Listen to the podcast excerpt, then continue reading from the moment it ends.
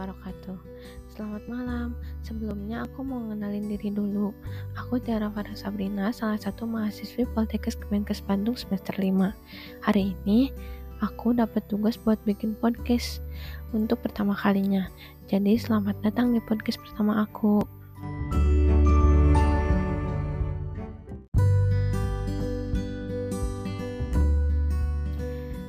Di podcast yang pertama ini, aku pengen bahas half quarter life crisis.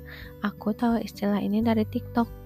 Tapi pertama-tama aku mau ngungkapin kekaguman aku dulu buat beberapa pengguna TikTok.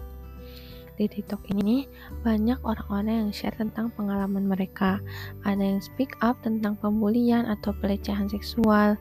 Ada juga yang bahas mental health, kayak minta dukungan karena ingin lepas dari self harm atau ingin terhindar dari keinginan bunuh diri atau cuma sharing-sharing tentang pengetahuan yang dia punya. Salah satunya half quarter life crisis ini.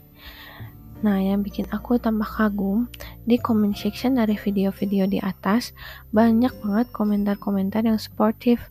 Seneng banget di sekarang udah banyak orang-orang yang gak judgmental dan melek sama isu-isu di atas.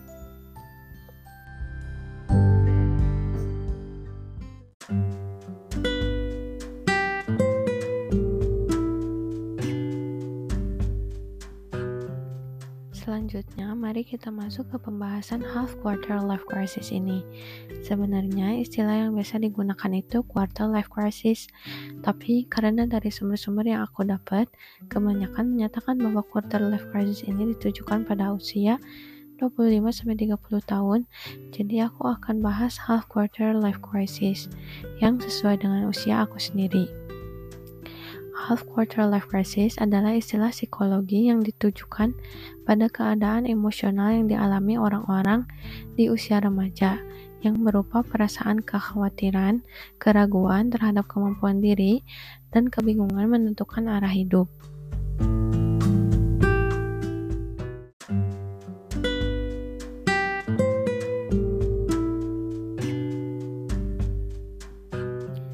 Half quarter life crisis ini sebenarnya bukan hal yang perlu ditakutkan, karena hal ini merupakan fase pendewasaan.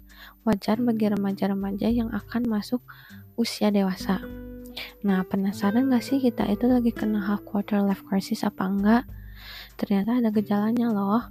Di antaranya yang pertama, merasa tidak bahagia dengan rutinitas yang lagi dijalani. Lalu sering cemas, sama apa yang bakal kejadian di masa depan. Yang ketiga, minder melihat aktivitas teman-teman di medsos. Yang keempat, sadar bahwa segala hal tidak selalu berjalan dengan sempurna. Lalu sulit membuat keputusan saat dihadapkan dengan beberapa pilihan. Dan yang terakhir, kurang motivasi dalam menjalani aktivitas sehari-hari.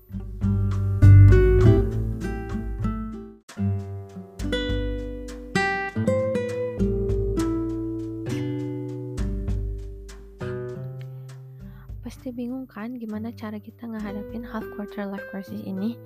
Apa harus terima-terima aja? Apa harus ngeratepin diri sendiri atau gimana? Nah, jawabannya tentu aja nggak bisa gitu. Kita harus coba untuk lawan dan mengurangi perasaan-perasaan buruk tadi. Caranya yaitu dengan yang pertama kenali lebih dalam diri sendiri.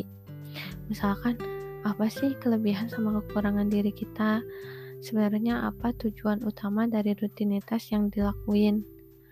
Dan masih banyak hal-hal lainnya. Yang kedua, berhenti membangkitkan diri sama teman-teman yang ada di media sosial.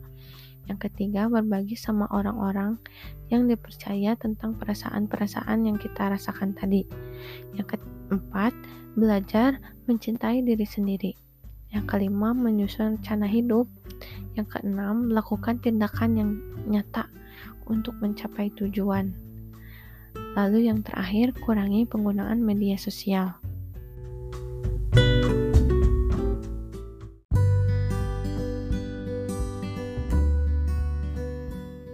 Nah, bagi remaja yang dirasa mengalami half quarter life crisis ini, boleh dicoba ya cara-cara di atas. Gak kerasa semua penjelasan udah aku sampaikan. Jangan lupa buat semangat terus buat jalanin hidupnya. Sekian dulu dari aku di podcast ini. Terima kasih udah menyempatkan diri buat dengerin ya. Semoga kita bisa ngobrol lagi di podcast selanjutnya. Wassalamualaikum warahmatullahi wabarakatuh.